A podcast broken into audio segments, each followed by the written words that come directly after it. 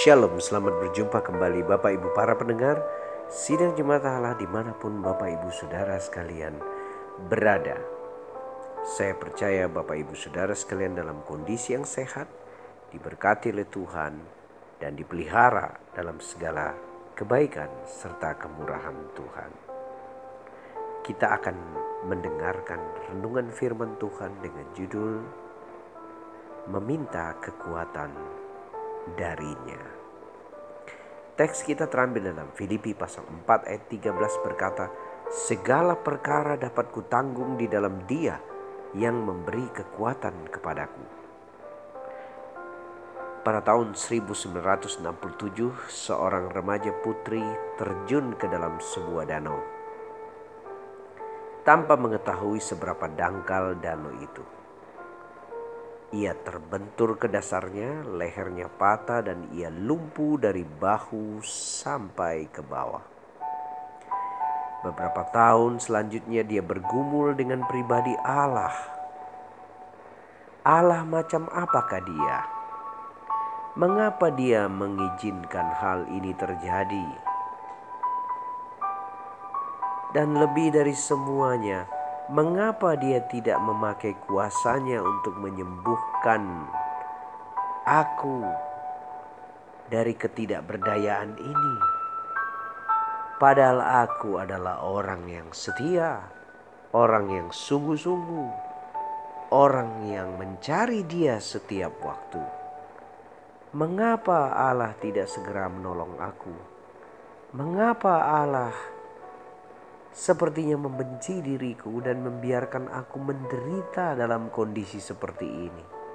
Padahal aku tak henti-hentinya berdoa, padahal aku tak henti-hentinya meluangkan waktu mencari dia. Bukankah aku sudah berbuat baik bagi pekerjaannya? Bukankah aku sudah melakukan yang terbaik bagi pelayanannya? Mengapa anak itu terus bertanya. Kebanyakan kita mungkin tidak mengenal siapa dia. Dia adalah bernama Johnny Erickson Tada. Ketika semua kekuatan fisik diambil daripadanya, saat masih remaja dan kuasa Allah untuk menyembuhkan dia kelihatannya tidak dapat ditemukan,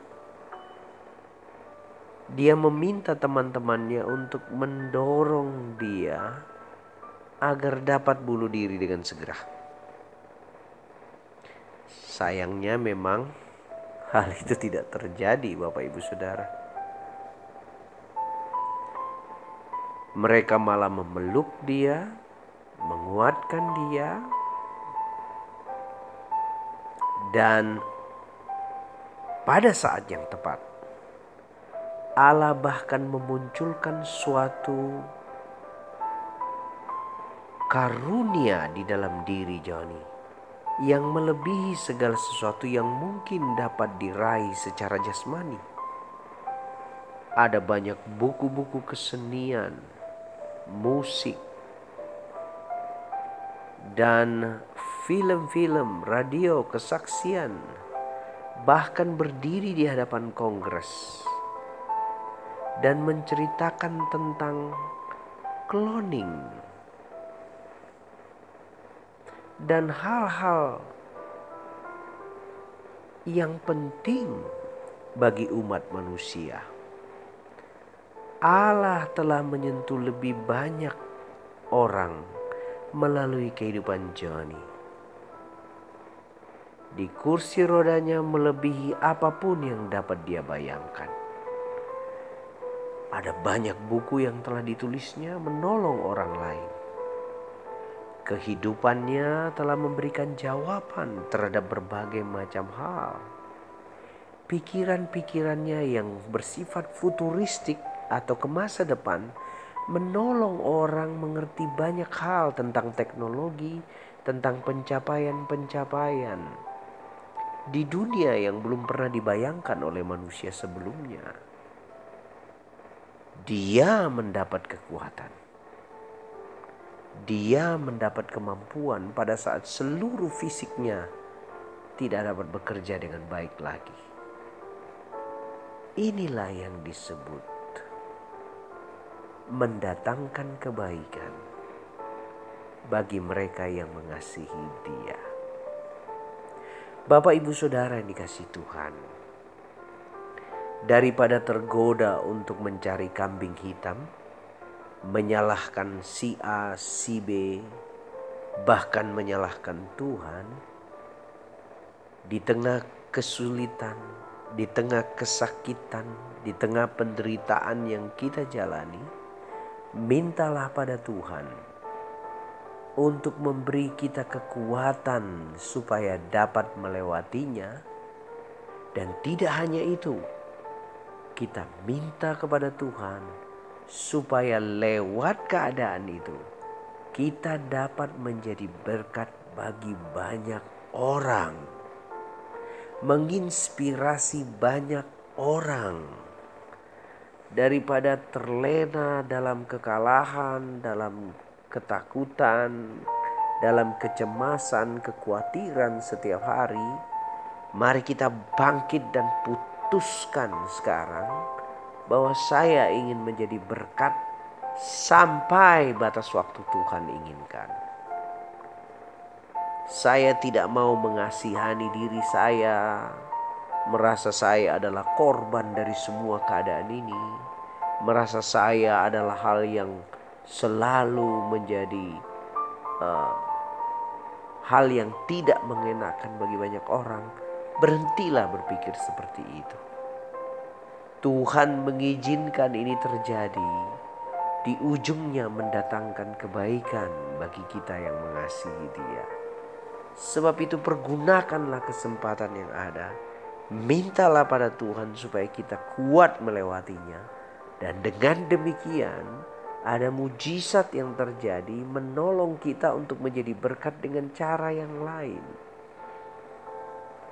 Bapak ibu saudara dikasih Tuhan.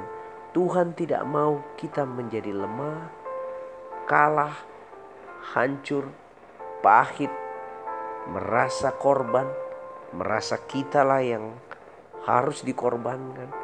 Bapak ibu saudara dia tidak seperti itu. Dia mau kita bangkit lagi, berharap lagi pada masa depan yang cerah, meskipun di tengah kondisi yang tidak normal seperti biasanya. Dia siap menyediakan kekuatan untuk kita dapat melewatinya. Nah, apakah Bapak Ibu berada dalam situasi seperti itu? mungkin situasi kita tidak menjadi lebih baik. Sekarang, mintalah Allah melepaskan kuasanya di dalam kehidupan kita agar hidup kita yang ada ini dapat menjadi berkat bagi banyak orang. Mengapa kita harus memintanya? Karena Allah mempunyai kuasa jenis kuasa yang Dia kirimkan kepada kita adalah kuasa yang kita butuhkan. Selamat meminta hari ini, Bapak Ibu Saudara sekalian.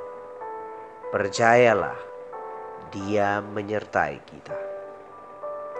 Alkitab berkata, "Segala perkara dapat kutanggung di dalam Dia yang memberikan kekuatan kepadaku." Tuhan Yesus memberkati kita hari ini Bapak Ibu Saudara sekalian. Terimalah berkat sehat kuat dan panjang umur. Damai sejahtera sukacita bagi kita sekalian. Shalom.